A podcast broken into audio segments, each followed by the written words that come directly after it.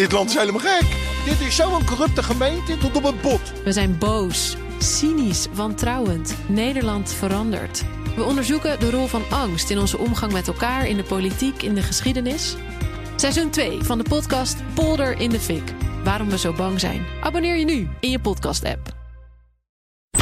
Maar er waren nog andere dingen in Den Haag deze Er waren week. veel belangrijkere dingen dan dat in Den Haag. Absoluut. Nou, nee, daar gaan we het straks over hebben. Er waren, het was eigenlijk heel weinig te doen deze week. Ja, het was een beetje een, een, een non-nieuws, eh nieuwsluwe week. En toch Week. is je interessant, want we gaan er toch weer bijna een uur over praten, voorspel ik ons. Ja, we moeten wel. Dit is Nieuwsroom Den Haag van vrijdag 2 december. In de studio Leendert Beekman, Sophie van Leeuwen, ik ben Mark Beekhuis. We hebben deze week vooral roze koeken gegeten. Want we hadden een roze koekenoverschot door onze snuffelstagiair Rutger. Dankjewel. Ja, dankjewel daarvoor. We zijn allebei twee kilo aangekomen. Ja, Rutger dacht dat de hele BNR-redactie in eh, Den Haag zetelde. Ah, Maar ja.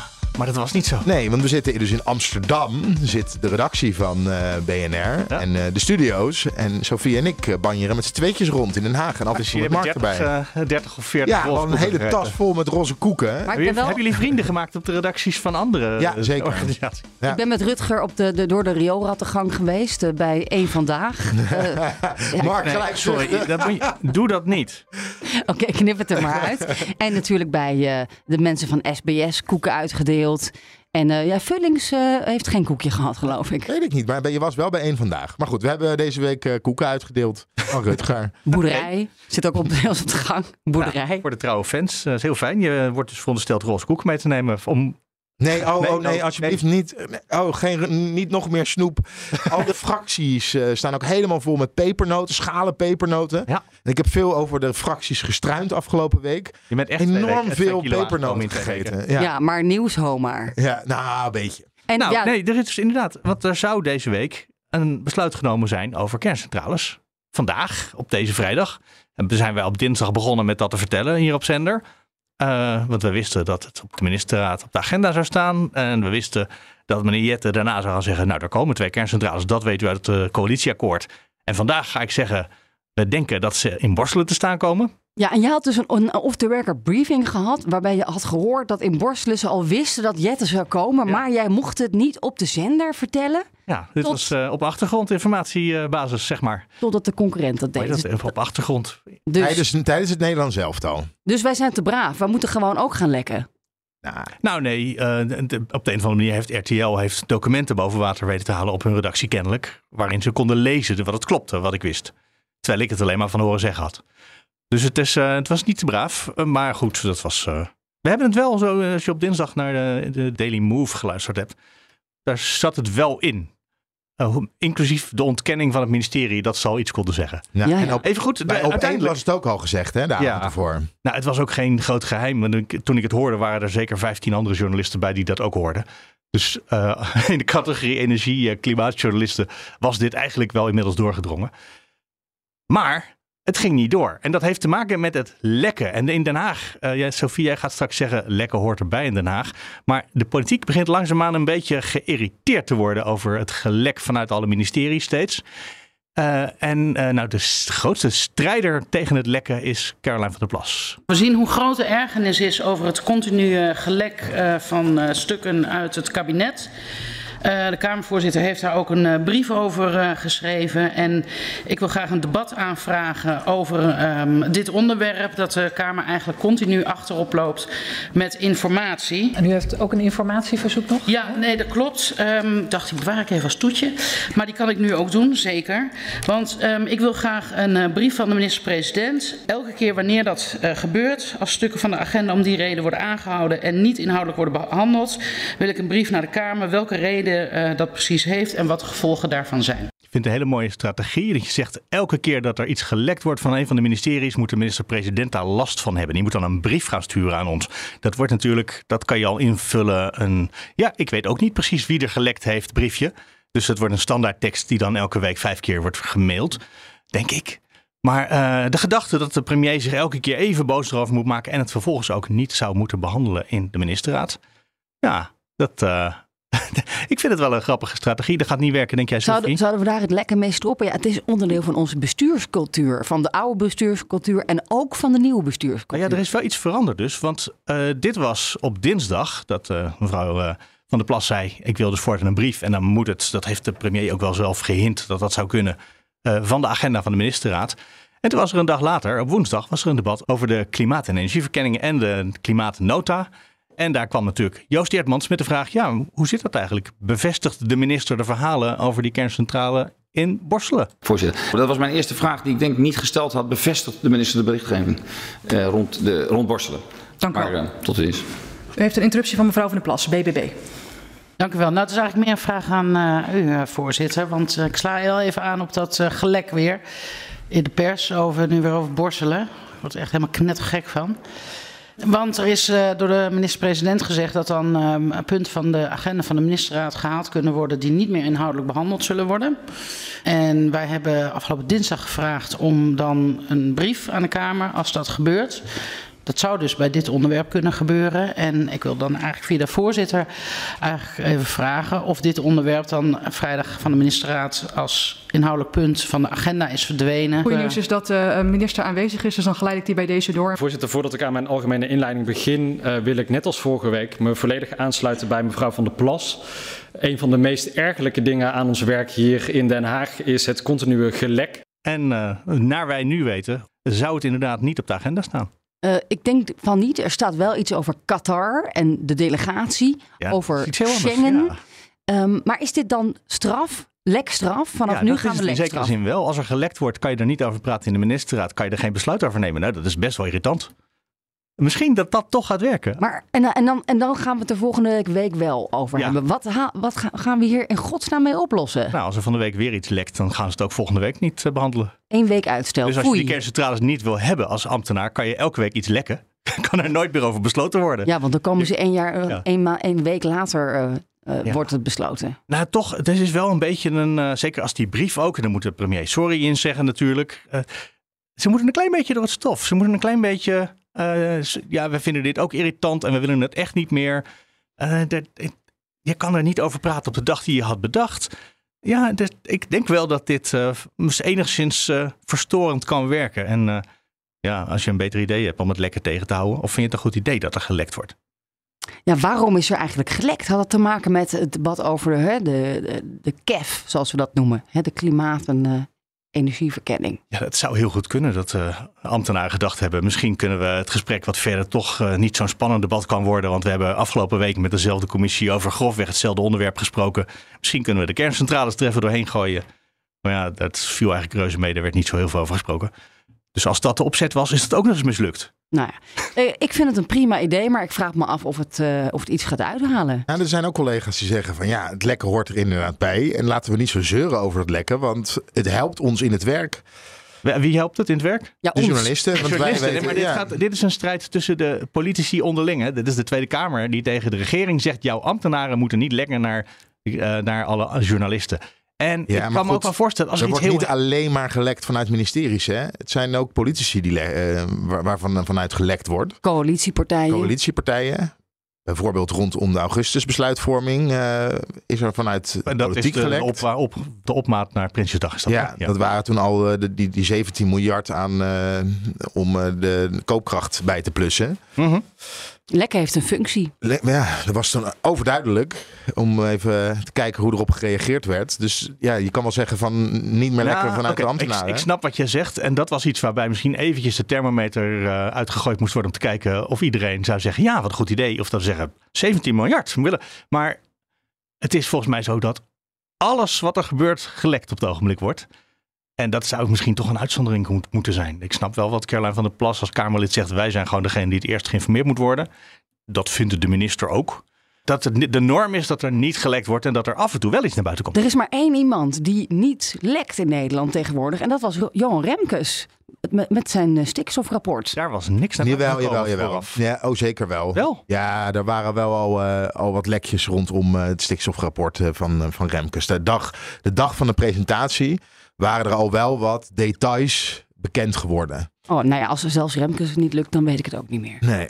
Wat volgens mij echt niet gelekt was, was de asieldeal toen er tijd. En die, de asieldeal werd besproken in de ministerraad. En na de ministerraad kwam Van de Burg naar Nieuwspoort. En daar wisten we helemaal niets van, van de details. Dat was een goed voorbeeld van uh, Dus het voorstel komt dat echt- maar het feit dat je echt na moet denken over een, voor iets wat niet is uitgelekt, dat zegt wel dat het inderdaad echt, nou ja, of zo totaal de cultuur is in Den Haag, of dat het echt een probleem is naar Ja. keuze. Een Nou, van de twee. Mijn voorspelling, het gaat niet veranderen. Oké. Nou, we moeten wel even uitleggen hoe het dan ging rondom de kerncentrales. Dat, wij, dat, dat gebeurde dus toen we voetbal aan het kijken waren. We, we waren helemaal klaar om op de redactie, eerst bij ons eh, in onze eigen kamer met het FD erbij, om het voetbal te gaan bekijken. En toen ineens het berichtje, kern, twee kerncentrales in Borselen. Toen hebben we een uitgebreide discussie gehad. RTL Nieuws had dat naar buiten Ja, gebracht. is, is het nieuws? Is het eigenlijk wel nieuws? Want we weten het. Het is officieel nog niet bevestigd. Nou, Mark zei ook al van eh, tussen neus en lippen door kon je al horen bij ons dat de twee kerncentrales er zouden komen. Op één had het al gemeld. We zaten met Bas van, eh, van, van het FD bij ons op Ja. de redactie. En wij hadden zoiets. We werden gebeld vanuit de redactie in Amsterdam. We moeten dit gaan brengen. Is dit nou nieuws? En het is een hele nieuwsluwe week. Was vorige week ook al het geval. En Sofie en ik hebben een beetje het gevoel dat nieuws gerecycled wordt. Dus op het moment dat er een klein detail bekend wordt, dan meld je dat. En alles wat er eromheen geschreven wordt, is eigenlijk gewoon algemeen al bekend. Dus het Ja. detail is, Oh, het wordt borstelen. ja. En dan krijg je een heel artikel met, dit weten we allemaal al.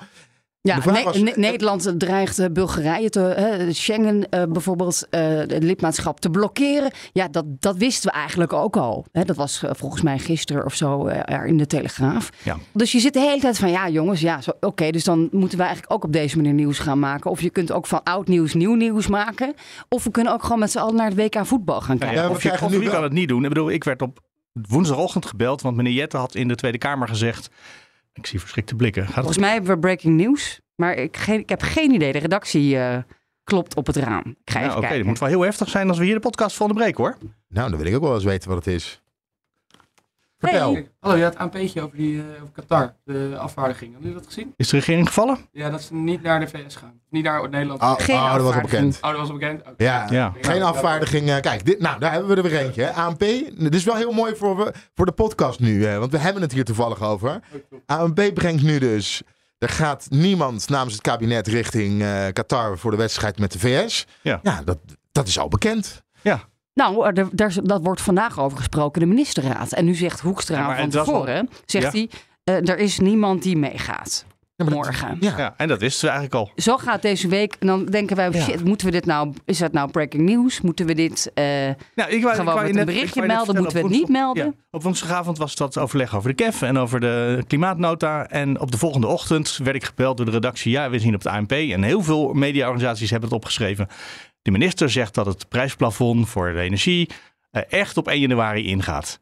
En dat zegt hij namelijk al heel lang. Dus ik vond dat geen nieuws. Ik heb dat ook niet, toen ik dat dinsdag, nee, woensdagavond, dus het ging om donderdagochtend. eh, woensdagavond ook niet aan de redactie gemeld van laten we het hier morgen over hebben. Want dat weten we al, dat hij dat steeds zegt. Eh Nieuwsuur heeft een keer tussendoor gezegd, hij gaat het niet halen. Dus dan gaan we zitten factchecken op Nieuwsuur. En bovendien is het nog geen fact, want hij zegt, ja, als we het echt rond hebben, dan krijgt u een brief en dat duurt nog een dag of tien. Oké. Dus hij weet het heel zeker, maar het is nog niet geregeld. Nou, dan hebben we, zitten we op de situatie waar we de afgelopen maand zaten. Ik denk dat de, de, hoofdredactie van BNR, als we dit horen, eh, zegt politieke redactie van de, eh, eh, Den Haag, Mark, Leendert en Sophie.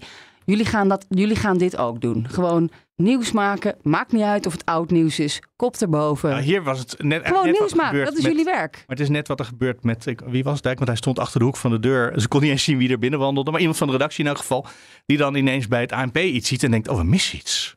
We, missen, we hebben onze nieuwskeuze niet, eh, we hebben deze keuze gemaakt. Maar eh, we zien dat andere media iets anders gekozen hebben en wij missen dit. Laten we snel nog even invullen met hetzelfde verhaaltje wat iedereen al vertelt. Goed, maar op, we lopen wel heel erg achter elkaar aan hè, op, op deze Nou, manier. dat heb ik geprobeerd niet te doen en mij is het gelukt. Maar misschien hebben ze wel iemand anders gebeld die nog iets heeft gezegd over het prijsplafond op donderdagochtend. Dat weet ik eigenlijk niet eens. Nou, ik werd afgelopen woensdag gebeld. Omdat Connie Helder, de Telegraaf meldde. Connie Helder is niet met een gascontract, een LNG-contract in haar eh, koffer terug naar Nederland afgereisd. Joh, En Duitsland Wel! wel. Nou Leonard, wil je daar wat over vertellen? Nou, Ik ben nog even gaan nabellen. Sofie had het eerder al ik had het eigenlijk dacht, al eh, eerder gecheckt. En ik gewoon zo van, eh, inderdaad, de Duitsers eh, hebben een eh, enorm contract. Zitten wij daar te onderhandelen? Is Helder daar met een mandaat of met een handtekening om daar die deal te sluiten. Zij is van sport, toch? Ja. Ja, Dus een sportminister die een gascontract gaat regelen Ja. voor ons. Zo werd dat mij verteld. Nee, dat is natuurlijk niet aan de orde. Zij is daar gewoon nou, is- met dat speeltje dus. Het is een beetje een rare vraag. Maar, je hebt Maar, hem wel uitgezocht. Dus ik dacht, oké, dan, dan ga, ik daar, ga ik dat niet oppompen tot nieuws. Want dit is dus niet aan de orde nu. Ja. Nou ja, oké, maar dan inderdaad. Ja, ik werd gebeld. Ik een hele discussie. Sophie zei, ja, heeft al nee gezegd, maar eh, papa en mama kan je het altijd twee keer vragen als je een koekje wil hebben. Ja, eh, ik heb gezegd. Connie Helder ging helemaal niet naar Qatar toe om een, met een gasdeal terug te Ja. komen. Er werd wel gesproken over de leveringszekerheid. We krijgen natuurlijk al LNG uit eh, Ja. Qatar. Maar niet over een- om, om, om een nieuw gascontract af te sluiten. Nou, toch op de, op de zender gekomen. Heb ik ook verteld, van, het wordt dan gebracht ook door de Telegraaf van... de Duitsers komen terug met een gascontract en ons is het niet gelukt. En het klinkt dan echt als een soort nederlaag. Maar in Duitsland is er veel kritiek op het, eh, op het contract dat afgesloten is. Het is namelijk een contract van voor 15 jaar. Ja. En wat willen we? We willen van het gas af. En op korte termijn willen we dat. Dus hoe verstandig is het om met een 15-jarig contract in je koffer terug te komen naar, in dat geval Duitsland, maar in Connie Houwer geval naar Nederland. Nou, sterker nog, de coalitie wil dat niet. Die willen eerder korte contracten en dan een lang contract met bijvoorbeeld Noorwegen. Maar Ja, het contract met. eh, het- contract is voor Duitsland gewoon belangrijker, want die hebben gewoon meer gas nodig dan wij op het ogenblik. Ja, Ja. Die wordt trouwens mogelijk wel opgeslagen in onze LNG-opslag bij, de Eemshaven in, Dat zou in kunnen, Groningen. Zou kunnen. Maar het wordt dan een beetje opgetekend eh, alsof het een nederlaag is. Helder komt met lege handen terug in Nederland. Moet je je voorstellen als Helder met een gascontract teruggekomen was Ja, in dat was Nederland. ook heel erg geweest. echt te klein geweest hoor. Ze had ze met het kleine speldje, met, met de Nevermind sjaal, had ze daar al op de tribune gezeten. En dan terugkomen uit dat verschrikkelijke Qatar, waar we allemaal zo groot bezwaar tegen hebben. Iedereen boycott het WK, maar als Nederland voetbalt even niet. Ehm, En dan met en dan komen, we terug, dan komen we terug met een LNG-contract voor 15 jaar. Nou, ik had het wel willen zien wat er dan gebeurd was in Nederland. Dan had er in de Telegraaf met chocoladeletters gestaan. Helder sluit contract met Qatar. Schande. Ja, oké. Dus we hebben nu twee dagen dat er geen nieuws was. Er worden, komen geen kerncentrales, er, komen, er komt geen LNG-contract. Ik denk dat het kwam omdat jullie ook allemaal gewoon voetbal zaten te kijken, Nou, Sophie. Ja, dan moet ik toch inderdaad iets toegeven. Dat, waarom was het nou ook een beetje nieuwsluw aan het begin van de week? Bijvoorbeeld met die wedstrijd. Eh, en ik kwam daar zelf ook pas halverwege achter. De hele Haagse pers, het hele journaal zat allemaal met, gezellig met elkaar in Nieuwsport, groot scherm, Nederland-Qatar te kijken. Nee, dat wil je alcoholvrij of wil je gewoon eh, met bier? Gewoon met, met alcohol, ja. Vind je het spannend? Nou, nee, Nederland is op het moment niet zo heel sterk. En ik verwacht toch niet dat ze heel ver komen. Dit is Maar als we Qatar. eenmaal aan het kijken zijn, dan eh, vind ik het wel weer heel leuk. Waar gaan we kijken? Ja, hier in het restaurant, maar ik kreeg net alweer een, eh, een redacteur op de lijn. is goed. Gakpo, Gakpo, Gakpo. En weer een goal van Cody Gakpo. Het houdt niet op. We waren net klaar met de stemmingen. Ik loop weg en het is 1-0. De PVV volgt de wedstrijd op de voet Nou ja, probeer het wel te doen, ja. in de plenaire zaal. Ik heb zometeen heb ik eh, begrotingsbehandeling, dus dan gaat het niet lukken. Ik ga niet achter de spreekgestoelte met, mijn- met mijn mobieltje staan. Gewoon doen. Nee, dat ga ik niet doen. Maar misschien net iets daarna wel. Even met een schuin. Ik zit in de zaal en ik denk tot eh klokslag 12 wel. Ik hou wel van voetbal, ja. En misschien in de dinerschorsing even kijken hoeveel het staat voor Nederland. Ja, dit was wel hens. Maar rood was het iets te snel gezegd. Maar als je met, bewust met de hand naar de bal gaat om te stoppen... dan moet je in ieder geval een, een kaart ge- eh, geven, toch? Dit is een hele gevaarlijke aanval van Qatar. Zeg, er, jij hebt echt verstand van voetbal. Nee, helemaal niet. Niet echt vroeger. Toen ik nog jong was, had ik verstand van voetbal. Nu ben ik oud en werk ik en kan ik niet de hele dag naar voetbal kijken. Eh, we worden wereldkampioen. Nou, ik hoop, dat ze, ik hoop dat ze er nog wel twee of drie eh, bij eh, knallen. Zodat we een beetje vertrouwen krijgen in dit elftal. En het speldje van minister Helder, heeft u die gezien? Nee, ik heb geen speeltje gezien. De minister komt niet alleen om te juichen. Toen heb ik haar gisteravond in het debat gevraagd: wat gaat u dan wel doen? Nou, daar kon ze niet al te veel over zeggen. En nou lees ik dat ze ja, een speldje gaat dragen. Ik vind het uh, slappe hap. Wel even op die bal blijven letten. Kijk, volgens D66 is het echt flutvoetbal. Wat vind jij er tot nu toe van? Het is flutvoetbal, ja. Wat dat betreft ben ik een D66er. Als het, om, eh, het standpunt rondom dit Nederlands elftal ben ik D66er. Het is flutvoetbal. Nou, het is best een mooie aanval. Kijk, door het midden. Ja, 1, 2, hup, rennen, corner. Qatar is net zo goed als RKC Waalwijk ongeveer. Dus ik denk dat ze hier wel van moeten kunnen winnen. Er zat bij mij ook van de week op woensdagavond, dus toen ik in de zaal zat, zat voor mij een collega journalist. Ook gewoon, ja, die zat wel te luisteren naar wat er in de zaal gebeurde. Maar ondertussen op het telefoontje was er een duidelijke wedstrijd te zien. Ja, het was gisteravond ook wie wie, echt ontzettend spannend hoor. Ja? Duitsland en Spanje speelden tegen Co- Costa Rica en Japan. Was je nou weer niet aan het werk gisteravond? Nee, ik was, niet, ik was dus gisteravond wel eventjes aan het kijken, want eh, eh, Japan is door omdat ze van Spanje hebben gewonnen. Spanje is door omdat ze een beter doelsaldo hebben dan dat Duitsland heeft. En Duitsland is uitgeschakeld. Weer onze politieke podcast ontspoort helemaal hier. Zaten die in dezelfde pool dan? Ja, ze zaten in dezelfde pool. Oké. En de Belgen zijn uitgeschakeld. Jeetje, jeetje. Ja, het is iemand wat, die geen verstand heeft van voetbal, heb je er wel veel tekst over. Maar Nou dat is, ja, dit dat is komt dus ik, mijn zo'n moment dat al die journalisten ineens ergens in een achterafzaaltje voetbal zitten te kijken. Eh, Dan gaat dus de politiek ongezien door. Ja, en nou, de hele VVD-voorlichtingsfractie zat er ook. Met nog een paar Kamerleden.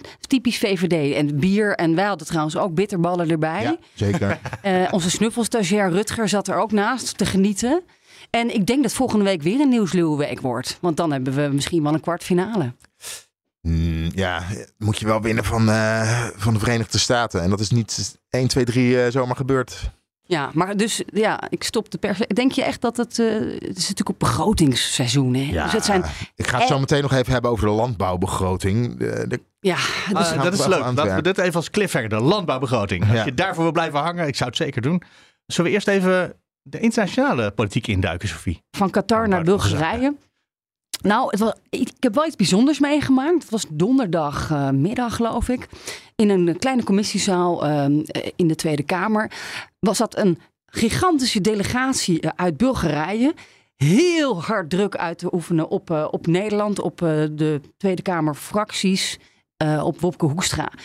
Ik denk wel drie ministers, maar via zo'n scherm. Soort Ze waren niet ter plekke. nou ja, op die, die zaten in Bulgarije met allemaal van die vlaggen erbij. En een tolk, een bullebak van de minister van Binnenlandse Zaken. Die gaat dan over migratiestromen. En nou, ik denk de minister van Buitenlandse Zaken. Ehm, in, in de, de commissie zou ook eh, de ambassadeur van Bulgarije. Die ik ook nog even heb gesproken na afloop. Want wat is nou aan de hand? Nederland blokkeert al heel lang de toelating tot de Schengenzone. En Bulgarije is dat niet lid van Schengen en wil dat wel graag zijn. Ja, en, en zij zijn echt al, eh, nou, volgens mij al 15 jaar lid of zo van de Europese Unie. Nou, zegt al dat lang. goed? Ja, ja, ja, sinds begin 2000 eh, ergens zijn ze lid geworden. Nee, al langer, ja. En nou, daar kwam toch een emotioneel pleidooi en met, met inclusief dreigingen van Bulgarije. Ja, als jullie dit eh, blijven blokkeren, dan gaan bij ons de pro-Russische partijen die gaan winnen, die gaan verdubbelen bij de volgende verkiezingen. En dat is heel erg gevaarlijk.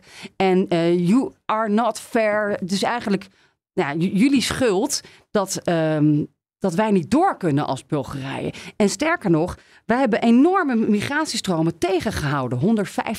150.000 vluchtelingen per jaar. En dan zat in de zaal zat dan eh, Ruben Brekelmans van de VVD. En ook eh, Jeroen van Wijngaarden van de VVD. En nog een paar coalitiemensen.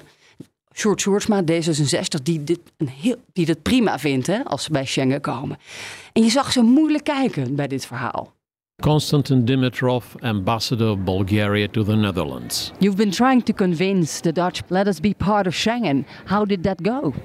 We are prepared technically, and that was certified by the European Commission twice over the last years. And we also have made a sufficient enough progress in the establishment of rule of law Other member states seem to be convinced Bulgaria is ready. Why not the Dutch? Well, we, we don't know whether the Dutch government is convinced or whether it's fully convinced. We, are- we are continuing our dialogue until the last moment when the European Union member states will take the respective decision, which should, in my view, in our view, also include Bulgaria alongside our friends and partners from Croatia and Romania. It seems to be not that much about corruption, but more about migration. Yes, uh, there is a confusion, I think, in the uh, in many non-specialists who think that Schengen area accession may somehow increase migratory pressure. No. Because you're on the Turkish border. You are the border of Europe. That is true, but this is th- this does not concern the functionality of Schengen. What we have to do and will continue to do is to have a strong border control for illegal migration for those who don't use Schengen visas and don't use entry passport control points. Those who use this, they're always checked and rejected. What we continue to do is to fight illegal migration. This has nothing to do directly with accession to the Schengen area. How many illegal migrants do you stop at the border or in Bulgaria? 150,000 this year uh, before entering uh, Bulgaria from, from Turkey. If this doesn't work, you must be really angry with the Netherlands uh, if we block this ambition. Uh, it uh, anyone who blocks uh, without arguments of an objective nature uh, our entry would be unfair to us, and we don't expect a nation and po- po- politicians with the world reputation of fairness like the Dutch ones to be among those who would block our legitimate accession to the Schengen area. So your question to our Minister of Foreign Affairs, Wopke Hoekstra, would be don't be unfair to us, Bulgaria?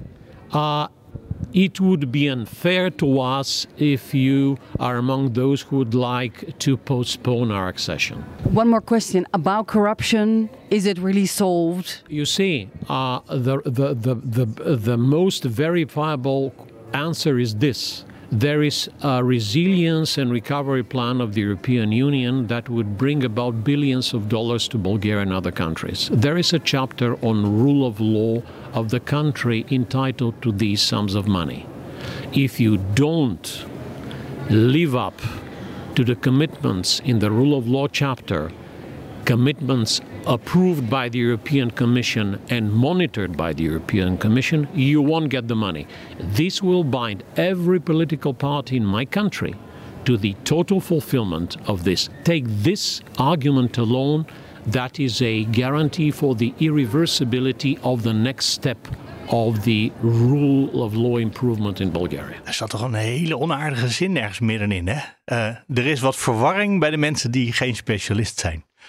Dit is echt heel goed gevonden. Het is een diplomaat, dus hij, hij, hij wil, hij wil niet hè, hardop zeggen dat dit binnenlandse politiek eh, het onmogelijk maakt hè, om, Ja. om, deze, om de Schengenzone Nee, maar uit het te is breiden. volledig duidelijk, ook al heeft hij niks gezegd. Maar hij probeert het wel. Ja, en dan hoor je achter de schermen. Er zijn gesprekken geweest afgelopen week met premier Rutte, met Wopke Hoekstra, met meerdere ministers. Hè, dus de Tweede Kamer. Allemaal dus om nu, de ministerraad gaat er vandaag over, eh, ja, die druk maximaal op te voeren van ga akkoord, stop hiermee.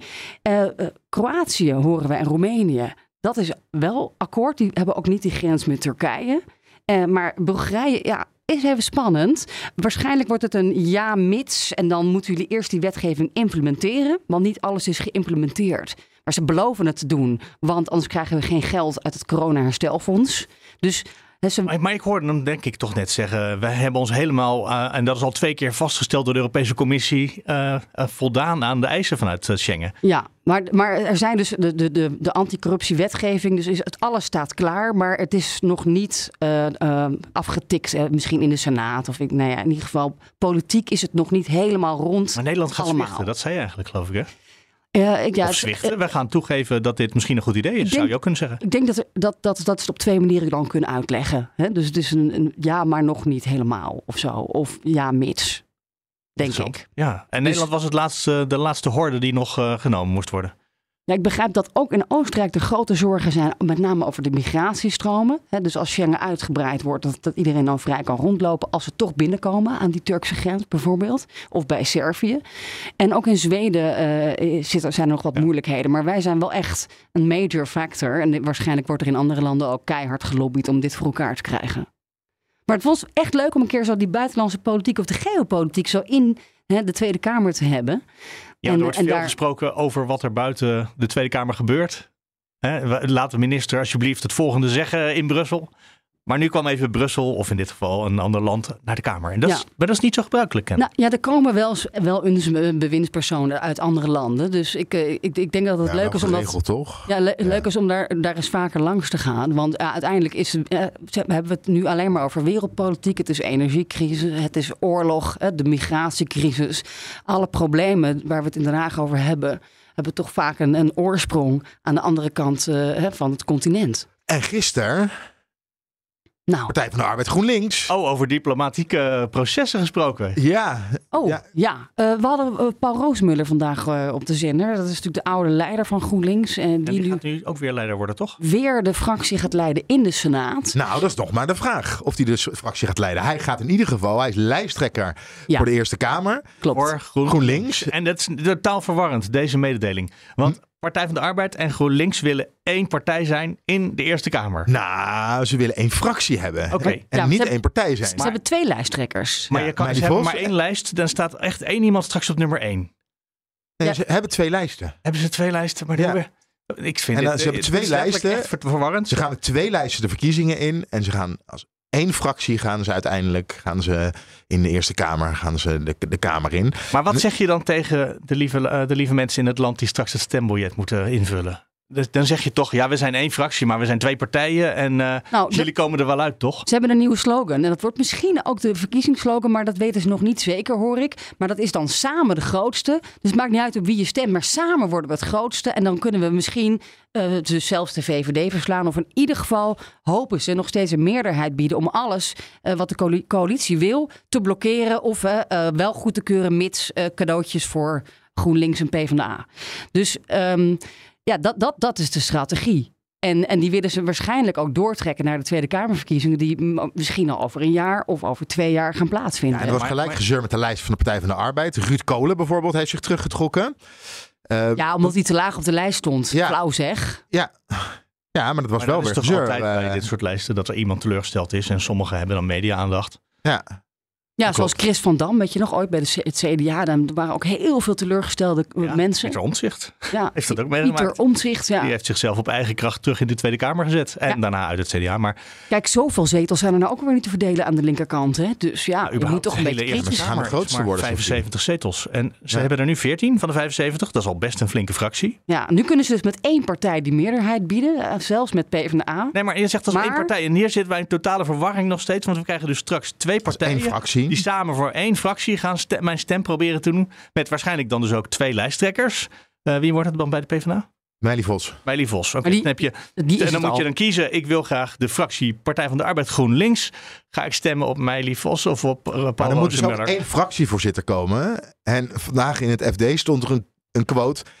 Wie dat gaat worden, dat weten we nog niet, maar daar komen we nog wel uit. Ja, dat moet van, ook, nou, als je ja, daar moet je nog wel uitkomen, maar het is... Dat zei Roosmuller gisteravond bij de presentatie. Bij ons op zender was hij ook eh, op, trouwens vandaag op BNR. Ja. Dus- maar daar komen ze Maar nog wel uit. Gaan, gaan wij eenvoudige stemmers dit, dit snappen straks? Dat ze twee partijen zijn, maar toch één partij als het in de Eerste Kamer is. En dat ze dan wel één lijst hebben, maar toch twee lijsttrekkers. En dat ze, nou, het zijn twee lijsten, maar één fractie. En dat, nou ja, ik, ik, snap, ik snap het wel in principe. ja, ja, ik, ja, ik snap, ik kan verklaren waar het vandaan komt. ja. Maar als ik nou denk, er komen de komende vier jaar eh, komt er een fractie in de Eerste Kamer. En eh, wie gaat er daar voor mijn rechten opkomen? Dan snap ik helemaal. Nee, dan weet ik het gewoon niet. Ik vind dit totaal verwarrend. Nou, wat ik wel heel interessant vind aan de aankomende verkiezingen, dat zijn namelijk provinciale Ja, statenverkiezingen. het worden En- dus Eerste de- Kamerverkiezingen. ja, de Eerste Kamer wordt dan getrapt gekozen eh, vanuit de provincie. En de vraag is, wat wordt de inzet voor de, de provinciale statenverkiezingen? Gaan we het hebben over alle belangrijke thema's waar de provincie het over heeft? De provincie gaat over ruimtelijke ordening en dan kan je het hebben over nou, echt grote thema's. Ja, woningbouw, stikstof, alle dingen. Eh, infrastructuur, en, en energietransitie, kan je het allemaal over hebben. Of je kan een referendum gaan houden over Rutte 4. Nou, En dat wordt het dus. Dat gaat dus worden, want dat zie je dus ook aan de lijsttrekkers eh, voor de Eerste Kamerverkiezingen nu. Hè. Dat zijn dus Meili Vos, Rozenmuller, Edith Schippers bij de Edith VVD. Schippers. D66, opvallend, heeft wel gekozen voor een relatief onbekende naam, Paul van Menen, Tweede Kamerlid. Waar, waar, waarin ik uit ik opmaak, ze hebben dus niet een partij prominent. Ja, dat binnen de iedereen is kent. hij dat wel. Ja, dat is tuurlijk, maar niet Nederland kent hem niet. Eh, Hij moet zich gaan profileren. Zij hebben dus geen soort stemmenkanon ingezet, waardoor waaruit ik de conclusie trek dat D66 het eigenlijk wil gaan hebben over wat er speelt in de provincie. Zij willen de provinciale statenverkiezingen willen ze ervan gaan maken. Ja. Eh, Ja, maar ze- En trouwens, hoe we- ja. nog even terug naar Partij, eh, Partij voor de Arbeid en GroenLinks. Gaan die in al die staten ook ver- eh, verenigde fracties maken?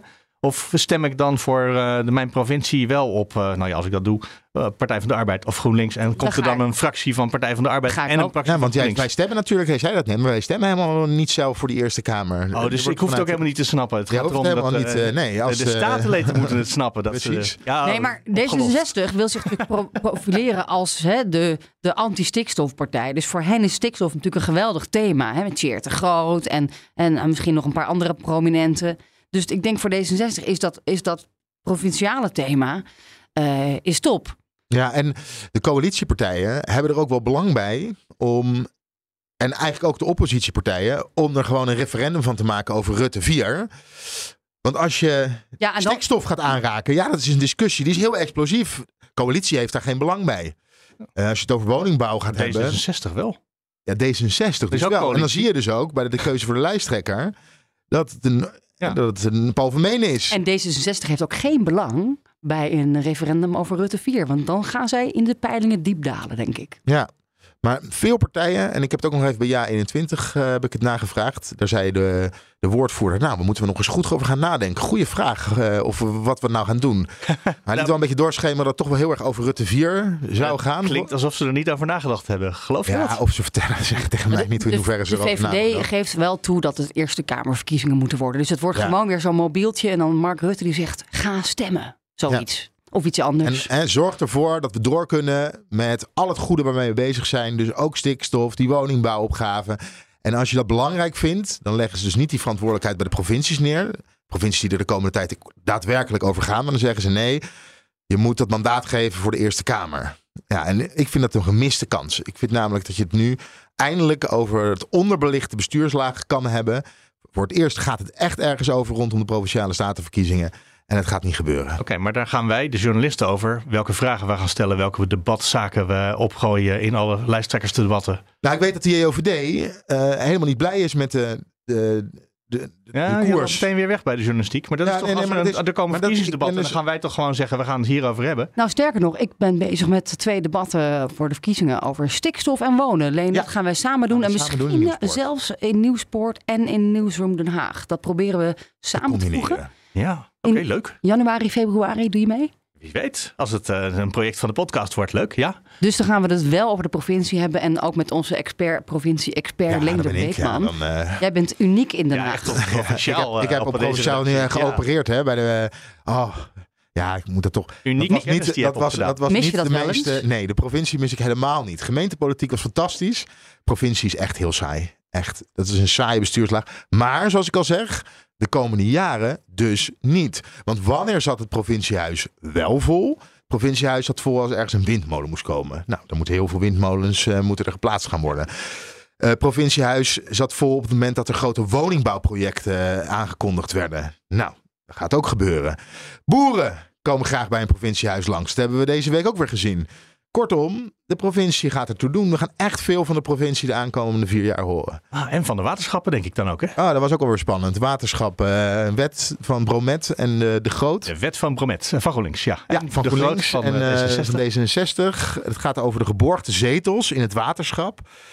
Waren zeven tot negen. Geborgde zegels, dat zijn Dat zijn zetels die al bij voorbaat toegewezen zijn aan een belangengroep. Dus aan boeren, aan het bedrijfsleven. Nou, het bedrijfsleven krijgen ze nu niet meer. Natuurorganisaties. En dat zijn zeven tot negen ge- zetels. En de overige zetels, en daar mogen we zo meteen voor stemmen. Wij mogen stemmen voor een stukje, maar niet voor alle zetels. Ja, en eigenlijk wilde. GroenLinks en D66 wilden de waterschappen helemaal democratiseren. Dus al die geborgde zetels eruit. En toen was daar ChristenUnie heeft daar een stikje voor gestoken. Precies. Een stikje. En nu, een stikje. En er zijn er vier overgebleven. Twee voor natuurorganisaties en twee voor boeren. Nou, waarom is het eh, van belang? Het heeft namelijk allemaal met water te maken. En grondwater is een heel groot onderdeel daarvan. Het grondwaterpeil.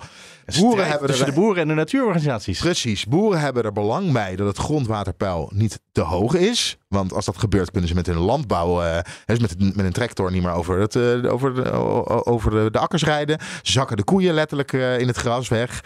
Ja.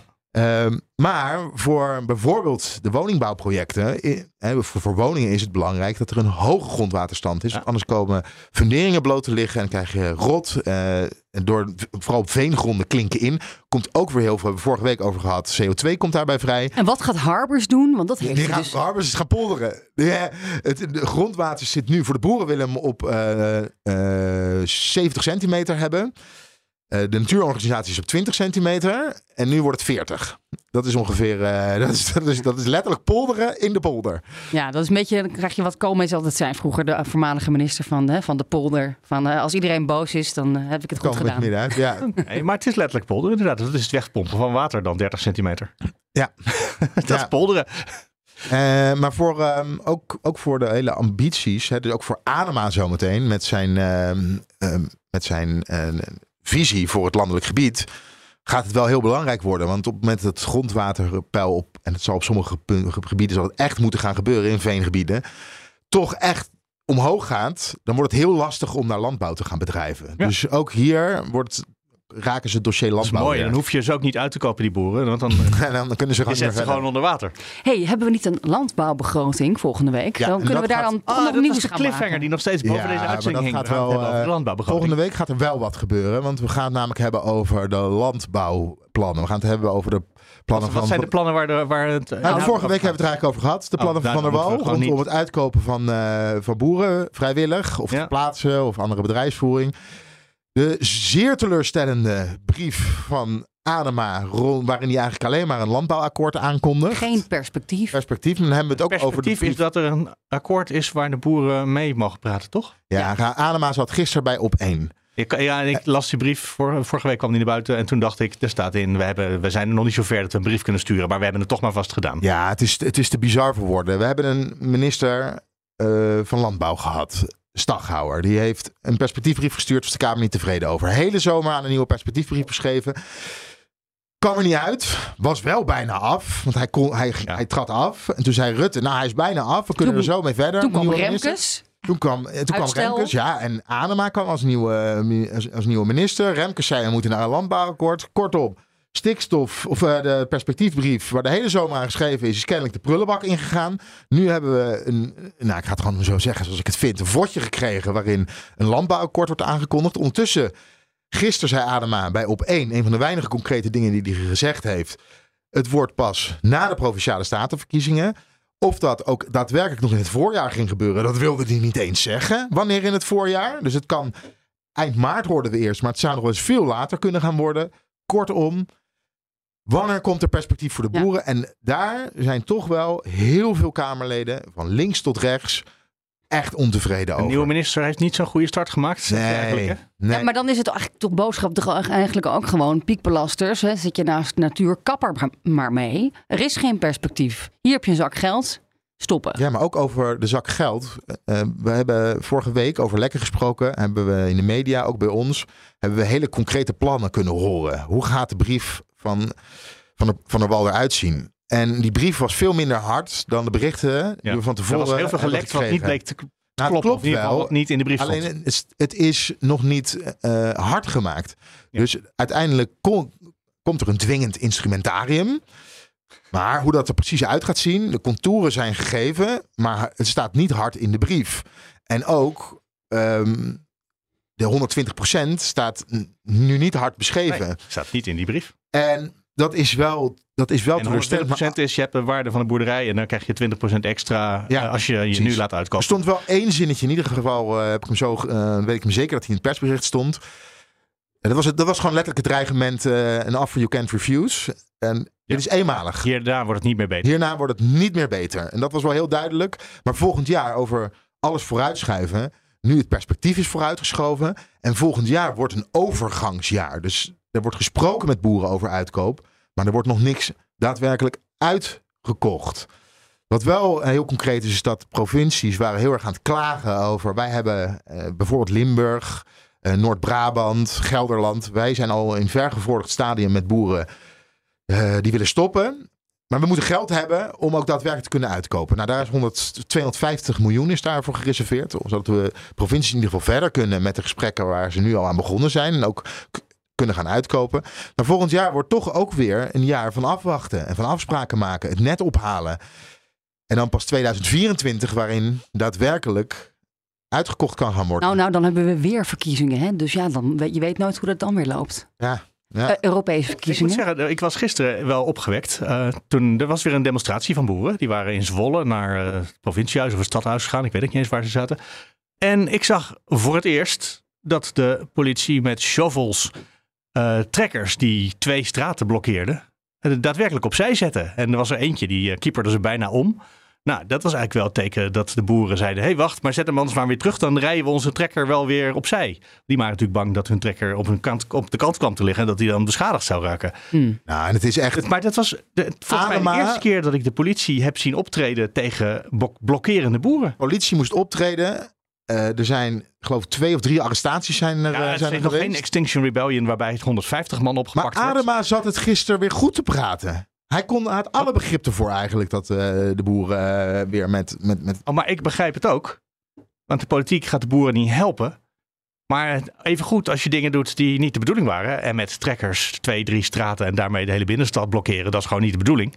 Nee, dat is absoluut niet de bedoeling. In een kwartiertje kan het wel, maar zeker Maar je niet kan de je hele ook- dag. je kan je ook bij, bij uitspreken. klimaatmensen ook niet. Nee, men, men, als iemand zich vastplakt aan het eh, glazen plaatje voor het melkmeisje. Wat was dat? Het meisje met de parels.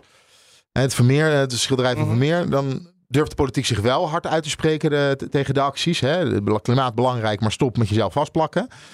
Of tegen een vliegtuig. Nou, maar als boeren op pad gaan, dan wordt het gewoon goed gepraat. Primetime, bij op één. Een minister, hij zegt niet boeren, stop hiermee. Eh, maar het wordt gewoon goed gepraat. Ik vond het ongelooflijk. Ik denk dat we aan het einde komen van Nieuwsroom Den Haag voor vandaag met deze constatering.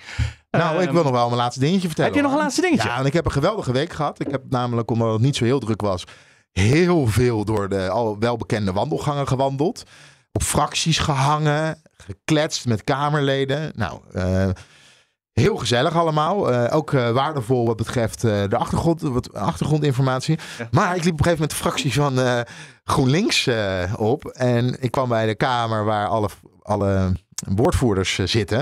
En er stond muziek aan. En er stonden woordvoerders te dansen. Samen met Laura Promet. Want ze waren bij Spotify hun favoriete muzieklijstje waren ze aan het aan elkaar te laten horen. Van welke muziek heb ik deze maand het of dit jaar het meest geluisterd.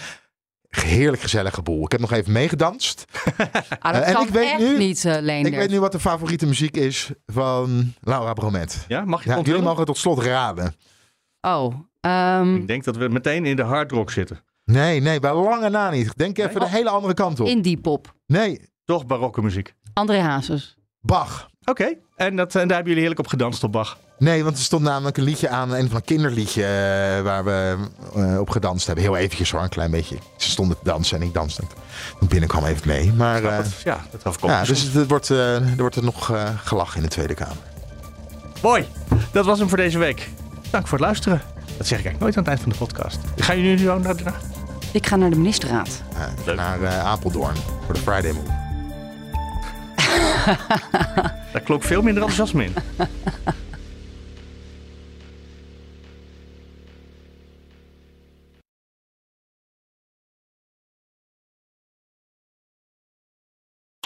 Ook Diana Matroos vind je in de BNR-app. Ja, inderdaad. Je kunt live naar mij luisteren tijdens de Big Five. Ook handig in de BNR-app. Breaking nieuwsmeldingen, maar ook het allerlaatste zakelijke nieuws.